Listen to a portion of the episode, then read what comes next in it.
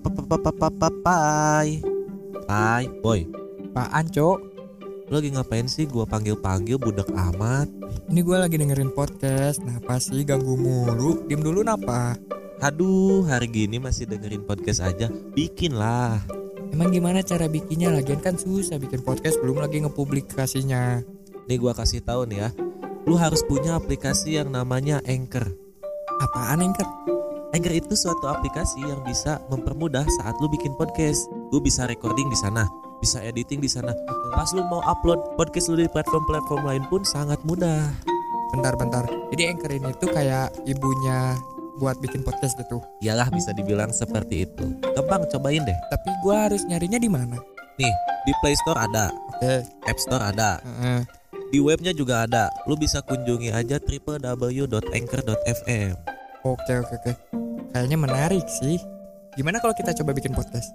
Ayo kita bikin Ayo Jadi, Jadi- buat kalian jangan lupa untuk dengerin Merokes.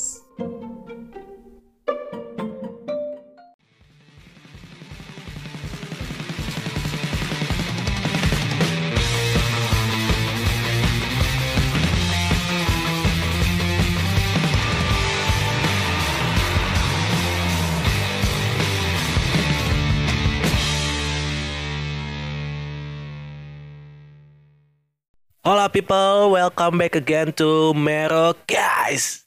podcast on Underworld. Ya, kembali lagi dalam segmen baru kita yang kita beri nama aksi reaksi. Kalian beraksi, kita bereaksi. Nah, itu dia.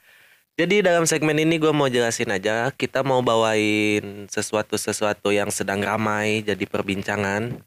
Sesuatu-sesuatu yang mungkin menggemparkan atau viral atau Betul, Bang. apa pun itulah mau trending mau apa pun kita bakal bawain dan kita bakal sedikit memberi opini-opini kita ya terhadap konten-konten atau peristiwa-peristiwa tersebut.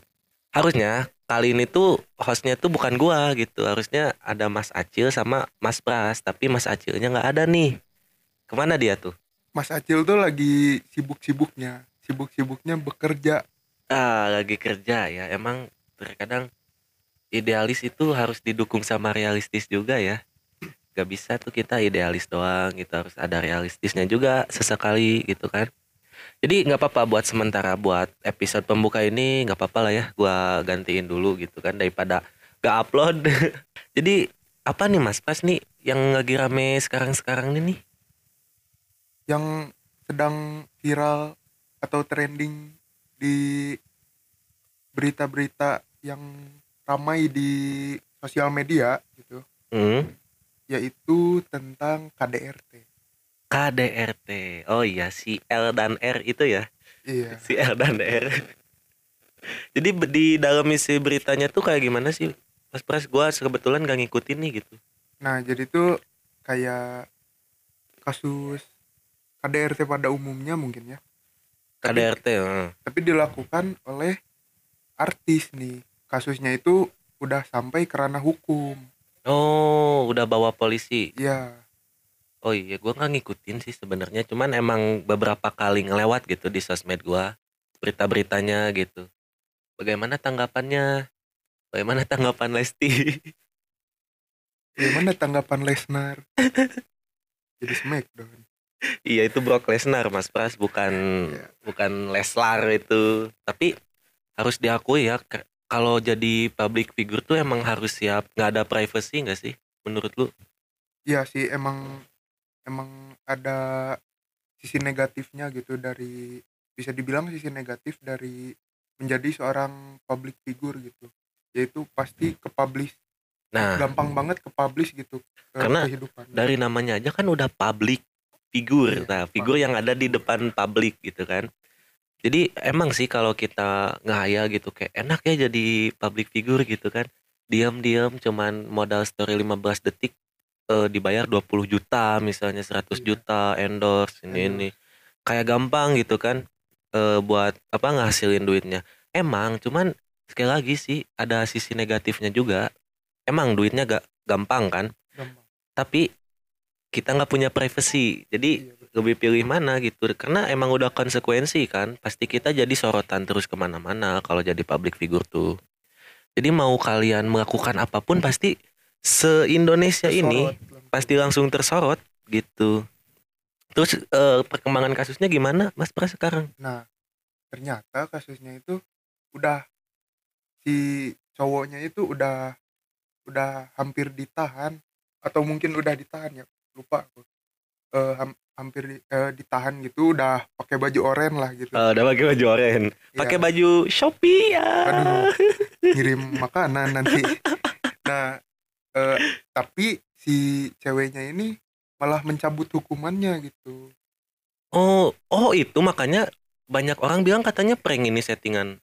Nah, itu itu juga bisa banyak opini-opini dari dari orang-orang masyarakat sekitar tuh bilangnya prank, tapi kalau menurut Hmm. gua mah eh bisa dibilang nggak juga sih kalau menurut gua. Karena kan mungkin mereka berdua itu mikirin tentang anaknya juga gitu. Oh iya udah punya anak Iya, ya. Pertimbangannya jadi bukan antara si cowok dan si cewek nih iya, udah tapi menyangkut ada orang ketiga lah bisa dibilang. hmm, anaknya kan Iya. orang ketiga. Belum juga ini berarti keluarga besar juga kan? Iya betul. Oh, jadi dicabut lagi tuh. Cabut lagi sih hukumannya tuh. Tapi kalau misalnya kita ngebahas dulu nih, kita bahas dulu sisi KDRT-nya sih. KDRT itu kan kekerasan dalam rumah tangga ya. Hmm. Berarti ada bentuk kekerasan secara fisik, mungkin secara verbal kan bisa disebut kekerasan juga seperti Hmm. itu. Cuman yang jadi pertanyaan tuh kenapa harus dicekik dan dibanting? Kalau menurut gua tuh ini tuh eh, ada nyambung nyambungnya sama episode episode podcast sebelum sebelumnya atau yang akan datang nanti gitu tentang toxic relationship gitu pasti ada hubungannya Hmm. sama itu Tapi kalau menurut gua ya, toxic relationship kalau masih konteksnya pacaran gampang. Maksudnya Iya. masih bisa dita- ditangani. Cuman kalau udah nikah, kita nggak cuman berjanji sama pasangan kita loh, kita berjanji sama Tuhan, sama hukum. Pokoknya banyak aspek yang terlibat lah dalam suatu rumah tangga itu kan. Makanya emang sebenarnya sulit gitu. emang sulit apalagi eh, kalau udah berhubungan yang serius gitu Mm. tapi terjadi hal-hal yang seperti itu teh jadi eh, satu hal yang sulit gitu untuk hubungan Iya sulit banget sih pasti sih. Tapi kalau menurut lu dalam pandangan lu apakah si cowoknya 100% salah? kalau mungkin di kasus ini gua kurang tahu ya tapi kalau mungkin di kasus-kasus lain bisa juga salah gitu Kalau menurut gua berapa ya? Kayaknya 90% deh. Soalnya eh kas gua kurang ngikutin, cuman kan karena ngelewat di seliweran jadi gua cuman baca headline-headlinenya kan sampai dari aduh, aduh, Duh, batuk. Aduh ada obat batuk nih nggak ada yang masuk gitu. Obat batuk? Harusnya aduh. ada nih sponsor nih. Iya ada obat obat batuk. Emang sih kalau di kasus ini tuh si cowoknya terlihat salah gitu karena si cowoknya yang melakukan kan jadi tersangka juga gitu kan Iya, tapi sih kalau kalau secara kodrat emang cowok tuh harusnya melindungi kan, iya bukan ju- justru bukan menyakiti apalagi udah dipilih nih dengan mantap menjadi imam atau pembimbing. Itu udah maksud gua tuh udah jadi kodratnya sebagai pria untuk melindungi wanita. Terus kalau kayak gini jatuhnya generalisir lagi-lagi nih yang gue sebel dari kasus-kasus kayak gini tuh generalisir. Jadi nganggapnya semua cowok sama aja. iya iya sih padahal nggak semua cowok juga sih yang salah gitu Iya kan?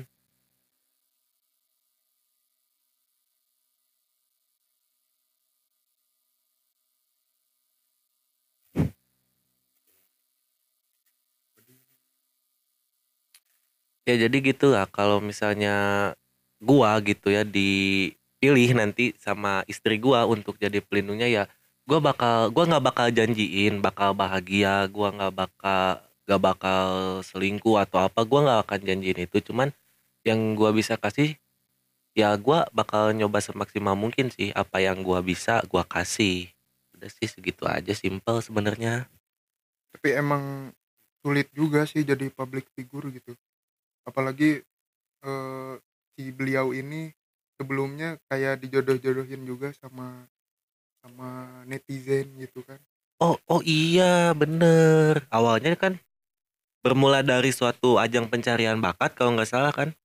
Awal mula Iya, betul. awal mula kisah mereka tuh sampai dulu tuh apa ya karena di rumah gua ini banget sama ajang pencarian bakat itu tuh yang di ada itu logonya yang ikan Ada. terbang. Yang siang-siang itu film azab nah malam-malamnya dangdut. Nah gitu. itu. Eh Indasior. Nah Indasior Nah, tuh. Itu kalau nggak salah channelnya.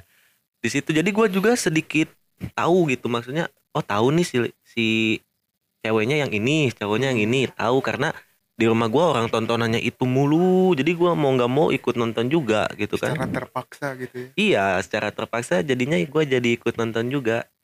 Apakah dari apa jangan-jangan karena itu juga ya? Maksudnya kan eh, mereka dijodoh-jodohkan lah dalam artian terus eh, mereka oh mungkin ya sebagai public figure kan pandangannya pasti oh engagement naik nih traffic naik nih. Jadi ya udahlah kita gaskan aja. Awalnya mungkin settingan tapi mungkin. cinta itu kan datang karena telah terbiasa kan. Iya. Akhirnya ya udah mantap nih ya udah deh kita eh, nikah aja nih. Atau kita jalin hubungan aja nih karena kayaknya gue sayang deh sama lo. Nah ga- gara-gara kar- gara-gara itu mungkin juga satu sama lain tidak mengenal nih. Mm-mm. ya kan? Jadi kayak ibarat tuh kayak diatur sama netizen gitu segala-segala kehidupan si artis-artis yang di luar sana tuh. Iya. Dan gue juga sebenarnya nggak mau mendukung si pelaku cuman maksud gue di sini tuh kenapa netizen netizen ini selalu ikut campur selalu pengen tahu gitu jadi kayak si paling tahu gitu tentang kehidupan kehidupan artis ini padahal pasti ada sisi lain gitu yang mereka nggak tahu gitu Iya, ya mereka juga mikir sebagai manusia ya kita melihatnya sebagai manusia. Pasti nggak semua hal yang ditampilkan itu sama dengan realitanya. iya Makanya waktu awal muncul kasus ini kan ada emak-emak nih, the power of emak-emak pada kaget kan langsung kan, langsung, Iya, apalagi aduh, sampai-sampai ada yang ikutan nangis. Wah, se- emang se sefanatik itu sih. Emang fans mereka berdua tuh dikenalnya fanatik dan militan gitu. Dengan munculnya kasus ini kan terkuak gitu. Nih eh, sifat asli orang yang lu idolakan. Nah kayak gitu tuh. Tapi kenapa bisa-bisanya gitu si cowoknya melakukan KDRT ke si ceweknya? Padahal si cewek itu bisa dibilang anak emas dari si stasiun TV ini gitu. Iya. Iya kan bener emang anak emas stasiun TV dan dia juga sebenarnya nggak tahu ya gua karir dia tuh di- dibilang apa yang entertain aja kali ya soalnya nyanyi gak enak-enak banget suaranya gitu kan iya cuman ya ya ganteng diakui sih ganteng iya gitu sih. Cuman bisa dibilang dia tuh aji mumpung gitu ke bawah sama si ceweknya. Jadi si Mm-mm. ceweknya yang naikin dia sebenarnya gitu. padahal tanpa si ceweknya itu mungkin si laki-laki eh si cowoknya itu bukan siapa-siapa gitu. Nah itu. Itu. ya bisa jadi kalau misalnya kita ditelaah lagi alasan alasan apa ya alasan dia KDRT mungkin karena si dia tidak mengenal 100% si cewek sih. Kayak ada beberapa sifat dari si ceweknya yang dia nggak suka atau enggak bikin dia emosi apa sampai dia kehilangan kontrol atas dirinya kan. Makanya sampai main tangan gitu-gitu. Cuman tetap aja sih gua nggak setuju kalau cowok udah main tangan sama cewek tuh. Kayak gimana gitu ya kayak kurang aja gitu ya. Iya Si ya cowok. bayangin lah lu itu dilahirin dari rahim cewek. Bayangin kalau ibu lu digituin sama orang lain gimana rasanya? Wah udah. Pasti emosi banget iya ini dengan entengnya kan sampai yang parah tuh yang dilempar bola biliar bro. Anjing, bola biliar lu tahu sendiri kan kerasnya Keras. gimana kan. Dihantem kena muka hancur bro kena muka langsung kan. Nah, tapi ada berita baru lagi nih, update banget waktu tadi gua pagi-pagi sebelum kita tag ini kan gua lihat di berita muncul jadi si pasangan ini tuh diboykot dari stasiun TV sama KPI. waduh padahal kalau setahu gua di stasiun TV itu ngadain acara buat si kedua pasangan ini buat comeback lagi gitu. Oh iya, emang ada? Mau ada. Diadain? Oh. ada waktu itu. Pernah baca gua. Sampai dibikinin acara. Anjir. emang maksud gua tuh gimana ya? Media-media di kita tuh mungkin ya emang mereka cari makannya dari berita-berita itu ngegoreng-ngegoreng kayak gitu. Cuman come on lah sisi manusia lu di mana gitu. Malah malah apa mencari kesempatan dalam kesempitan orang. Jadi eh, para netizen ini malah eh, lebih memilih beranggapan bahwa mereka itu fix settingan gitu. Jadi terlihat kayak settingan gitu. Ya ya ada juga sih gitu. sebagai netizen kalau pandang dari netizen gue mikirnya mereka settingan. Buat naikin lagi engagement mungkin atau naikin lah. Ya mungkin bagi mereka udah redup udah mulai redup aduh kita nggak bisa nih gitu. Kita nggak bisa tenggelam ya kita bikin sesuatu yang bisa bikin kita muncul lagi ke permukaan. Mungkin seperti itu. Cuman nggak tahu nih balik lagi kan itu rahasia rahasia mereka lah itu rahasia, dapur Rahasia- mereka. rahasia mereka dengan ilahi lah. Nah itu cuman mereka dan yang di atas Iya, kali yang yang di tahu. atas yang Iya jadi jatuhnya gimana ya? Kalau ka- kalau gua sih di posisi mereka, ya gua orangnya bodoh amat atas penilaian orang sih. Cuman kalau buat jangka panjangnya harusnya sulit diterima lagi sih. Apalagi si cowoknya kan yang udah dikenal orang apa ya main tangan lah, kasar lah, emosional lah. padahal mereka berdua tuh wah kalau bisa dibilang mah sama emak-emak tuh wah couple goals nih gitu kan. Iya kapal goals mereka iya gitu. Apa eh hubungan rumah tangga yang diidam-idamkan masyarakat Indonesia kali. Iya. Kayak cowoknya cakep, ceweknya cakep, banyak duit. Kan itu kan itu. yang diidam-idamkan kita gitu. mungkin mereka eh, mikirnya tuh para mama tuh jadi mikir ke wah ini mah pasti bisa nih kayak Raffi Nagita gitu Nah, itu. Nah, kalau Rafina apalagi kalau gara-gara lu bahas Rafina Gita nih, gua jadi kepikiran sih kalau gua hidup atau gua ada di posisi Raffi Ahmad bener-bener nggak punya privacy, Bro. wah itu Sama sekali nggak punya anjir. sampai ke anak-anaknya juga waduh Di dibiasakan dari kecil disorot oleh kamera. iya takutnya tuh malah nanti tuh malah bosen gitu anaknya wah di depan kamera terus nih gitu kan Iya. Jadi udah jadi bahan konsumsi publik. Aduh, belibet lagi. Bahan konsumsi publik dari bayi malah dari bayi followersnya udah jutaan, Bre. Gua aja dari awal main IG sampai sekarang nggak nyampe ribu-ribuan gitu. tapi emang sih banyak artis-artis yang baru ngelahirin anak langsung gitu bikin Instagram gitu Mungkin bagi mereka itu aset sih, tapi normal-normal aja selama tidak ada eh, pak- eh, tidak ada paksaan gitu. Kalau misalnya anaknya enjoy-enjoy aja dan emang anaknya pengen kayak orang tuanya jadi influencer ya bagus lah dari kecil udah terbiasa gitu depan kamera udah pede gitu kan. Cuman kan ada juga nih konspirasi-konspirasinya kayak anaknya tuh malah dijadiin tabungan mereka, dijadiin Jadi- aset jadi gitu. ek- kayak eksploitasi anak gitu Iya, ada dulu sempet rame kan kasus kayak gini kan. Kayak eh, apa masuknya ke eksploitasi anak, jangankan anak yang binatang juga kan yang dikontenin kan. Yang Oh, iya. kemarin-kemarin si Alshad itu kan oh iya sempat rame juga kan. Masalah eksploitasi hewan gitu kan, apalagi Iya, he- dijadi-jadiin yang konten. dijadiin kontennya itu hewan yang dilindungi juga. Nah, itu tapi ya udahlah itu gua bukan ranah gua, gua nggak ngerti soal binatang-binatangan, Bre. Aduh, tapi kayaknya yang lebih ngerti tuh Mas Acil nih Mas Acil, iya perbinatang-binatangan lagi sibuk sih cuman nggak apa-apa lah buat pembuka aja ntar ke sananya sama duo ini ini duo apa namanya duo kampring ya Duh, kampring. duo kampring Mas Pras dan Mas Acil. Nanti akan lebih mendetail membahas soal perhewanan kali ya. Gue sama sekali nggak ngerti perhewanan. Yang gue tahu cuman hewan tuh ayam buat dimakan sapi Waduh. gitu. Itu mah pakan manusia. Babi guling yang hanya Waduh. bisa dilihat oleh Tidak- mata. tidak bisa dimakan. Tidak bisa dirasakan. Tapi ini tuh ada lagi yang lebih parah itu mengeksploitasi tentang konten KDRT nah si itu kan si Iya, Wong. si itu.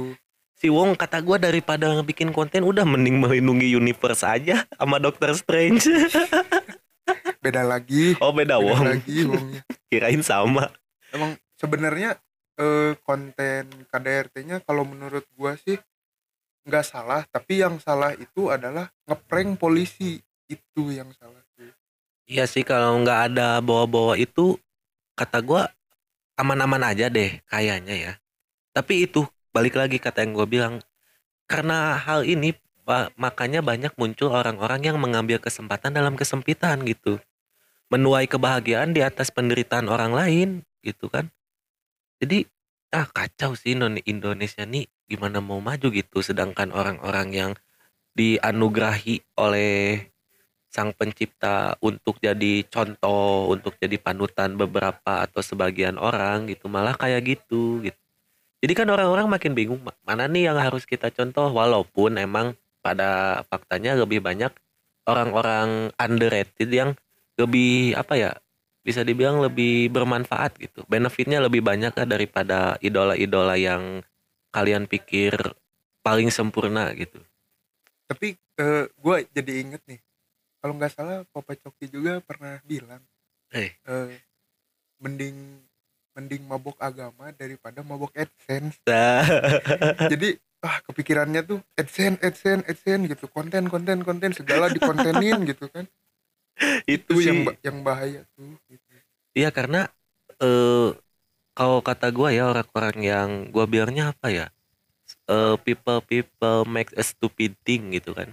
Yang kayak gitu yang melakukan hal-hal bodoh tuh mereka udah mentok cuman karena udah haus nih aduh adsense nih adsense nih makanya bikin konten-konten yang receh atau enggak konten-konten yang cepat viralnya gitu tapi ujung-ujungnya kan kasus gak tahu nih perkembangan kasusnya Iya. gimana sekarang nih Duh. si mereka berdua gue tuh sebenarnya kurang ngikutin juga perkembangan mereka tapi yang jelas mereka mereka tuh kelihatan banget gitu kayak ngebuat konten tuh dalam keadaan sadar gitu. Nah Nggak. itu. Nggak ada pengaruh apa pun iya gitu. Nah kalau dalam bener-bener dalam keadaan sadar dan emang udah di apa ya namanya udah ditetapkan gitu oh ini sih ini udah sadar nih. Goblok sih kata gua nggak ada.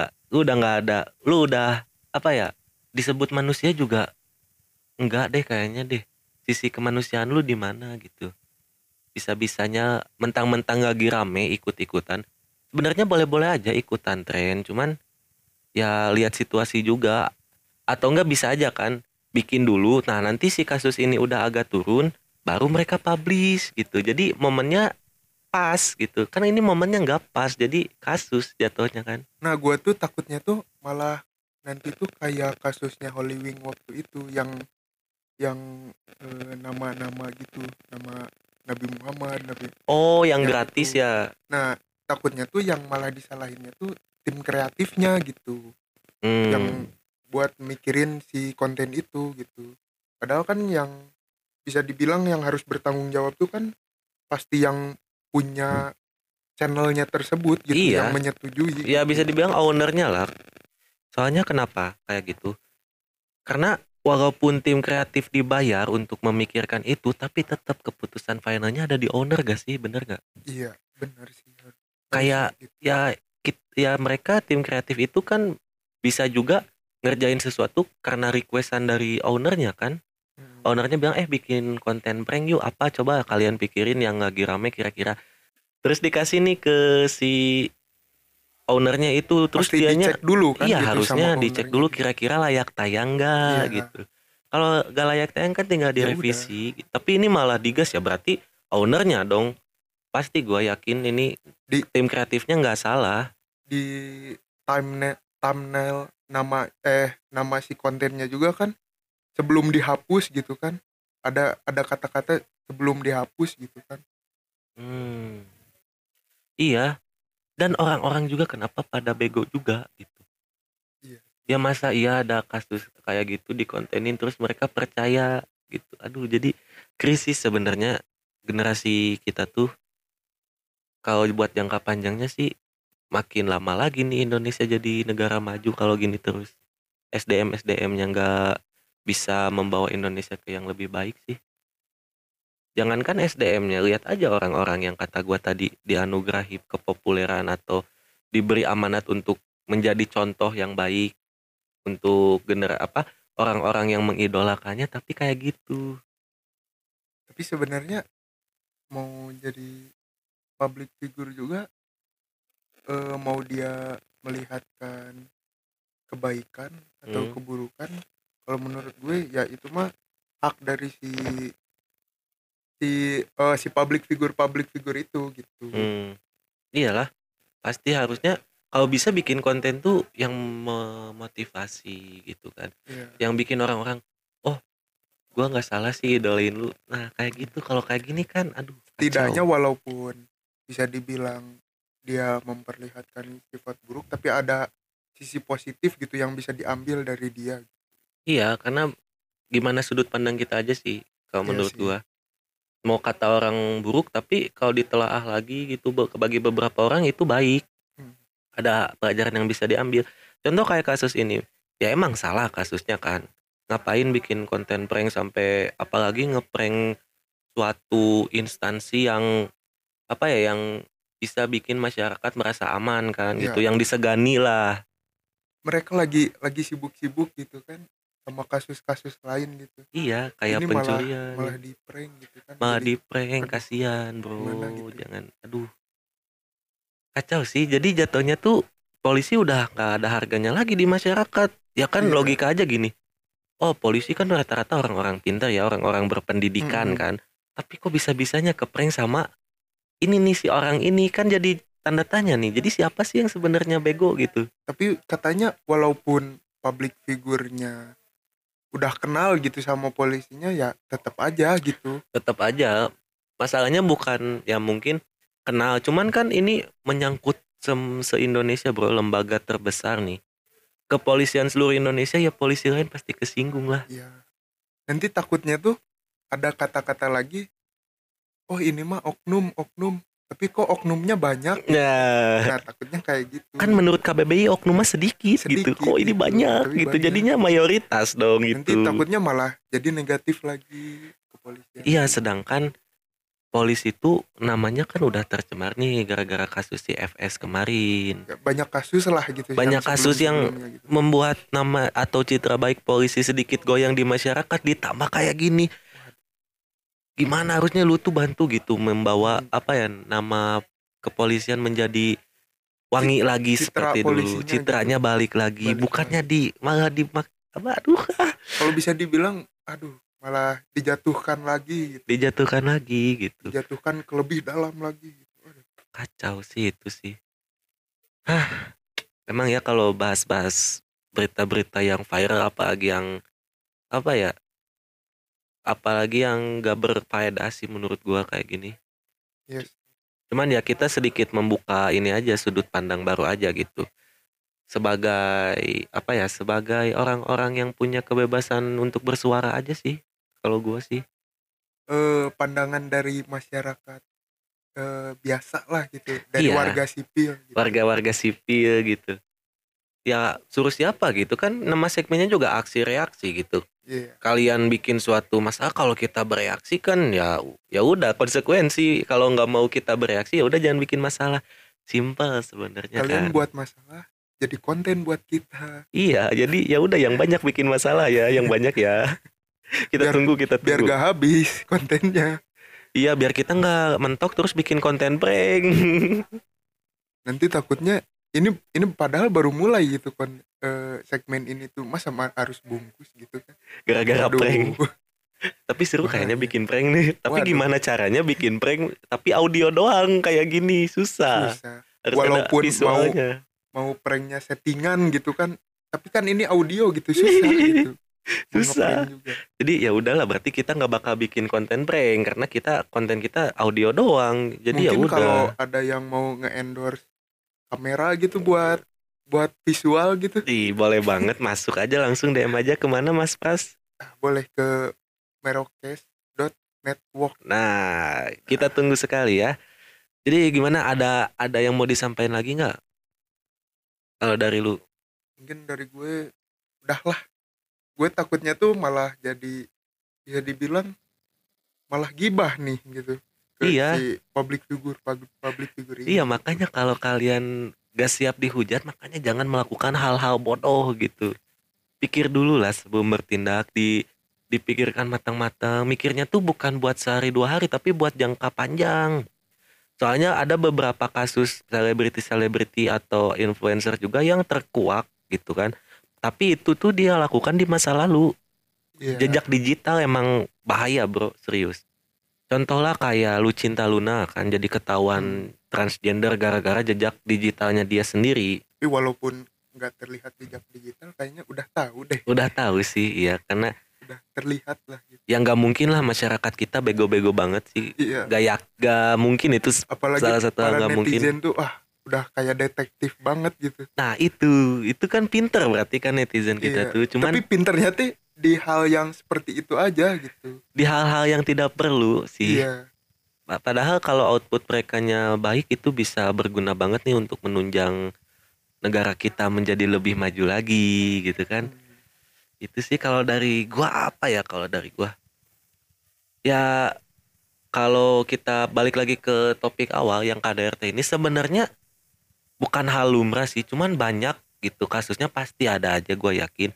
Cuman ya ini karena mereka public figure sekali lagi jadi jadinya digoreng dan membuat gempar seluruh warga Indonesia gitu kan. Apalagi aduh emak-emak gitu. Emak emak Sebagai apalagi emak-emak. garis keras gitu kan. Jadi ya udah intinya kalau kalian ingin pasti sekarang kan cita-cita udah udah mulai melenceng nih. Kalau zaman kita dulu dokter iya. guru kan. Sekarang kalau ditanya cita-cita apa? Pengen jadi selebgram pengen jadi youtuber. Nah pengen pengen- jadi podcaster mungkin. Boleh itu jadi podcaster kayak kita gitu ya. Siapa tahu kan kita menginfluence gitu. Iya. Dengan kalian denger-denger tak terus ujung-ujungnya ikut-ikutan bikin ya bagus semakin rame Bagus. semakin meriah gitu. Kita kalahkan lah konten-konten prank itulah. Tapi eh, jadi podcaster tuh harus mengeluarkan konten-konten yang bermutu juga gitu yang bisa dibilang jadi pelajaran yang baik lah gitu Mm. buat masyarakat masyarakat bebas aja sih sebenarnya mau bikin konten receh mau apa. Yang penting jangan apa ya jangan membuat gempar atau merugikan orang lain sih udah. Jadi kalau kita sebagai ya bisa dibilang baru lah ya di dunia ini cuman kan dari awal kita tuh tahu gitu apa yang kita omongin harus kita pertanggungjawabkan. Jadi kalau suatu saat ada cacian kritikan ya itu harus kita terimain gitu mau nggak mau kan karena sekali lagi susah membuat semua orang senang atau bahagia gitu. Jadi ya udahlah, kita cuman punya dua tangan nih. Hmm. Masa ya lu mau pakai nutup mulut orang yang berjuta-juta itu? Ya udah lu punya dua tangan tutup aja telinga lu sendiri, simple beres. Udah. intinya ya sebagai konten kreator tuh jangan mengontenkan hal-hal bodoh yang bisa dibilang merugikan diri sendiri maupun orang-orang lain Iya, gitu. Atau kasarnya merusak generasi kan? nah itu Gitu, udahlah. Kurang-kurangin lah. Please gua tahu kalian semua yang punya angka gede tuh orang-orang pinter gitu. Manfaatkanlah itu dengan lebih hal pintar dari positif. kita kita gitu Iya, karena itu tuh bagi gue sebuah titipan atau anugerah dari yang maha kuasa sih gitu. Hmm. Lu dikasih kelebihan ini nih daripada orang-orang lain, manfaatkan dengan baik gitu kan. Nanti ujung-ujungnya akan gua catat juga Hmm. buat pertanggungjawaban lu di akhir hayat lu nanti gitu. Aduh. Udah udah terlalu deep ah. Udah kita Jadi berbau agama gitu kita close aja ya. Kita close aja. Jangan lupa dengerin segmen baru kita aksi reaksi Reaksi. untuk beberapa minggu eh, berapa minggu berapa minggu ini sih tayangnya seminggu Eh, sekali kan? sekali. Ya jadi, jadi, ditungguin kita aja. tuh kayak nge-recap berita di minggu minggu sebelumnya gitu. Mm-mm, di ki- recap kembali. kita bawain. Walaupun sebenarnya berita ini udah basi sih tapi iya sih udah lama. tapi hype-nya itu masih ada gitu. Iya. makanya kita sebagai episode pembuka aja nih kita bahas ini. Oke mungkin sekian aja dari gua. Gua Sansan pamit undur diri. Dan gua Pras pamit undur diri. Sampai bertemu lagi di segmen aksi reaksi kalian beraksi kita bereaksi see you people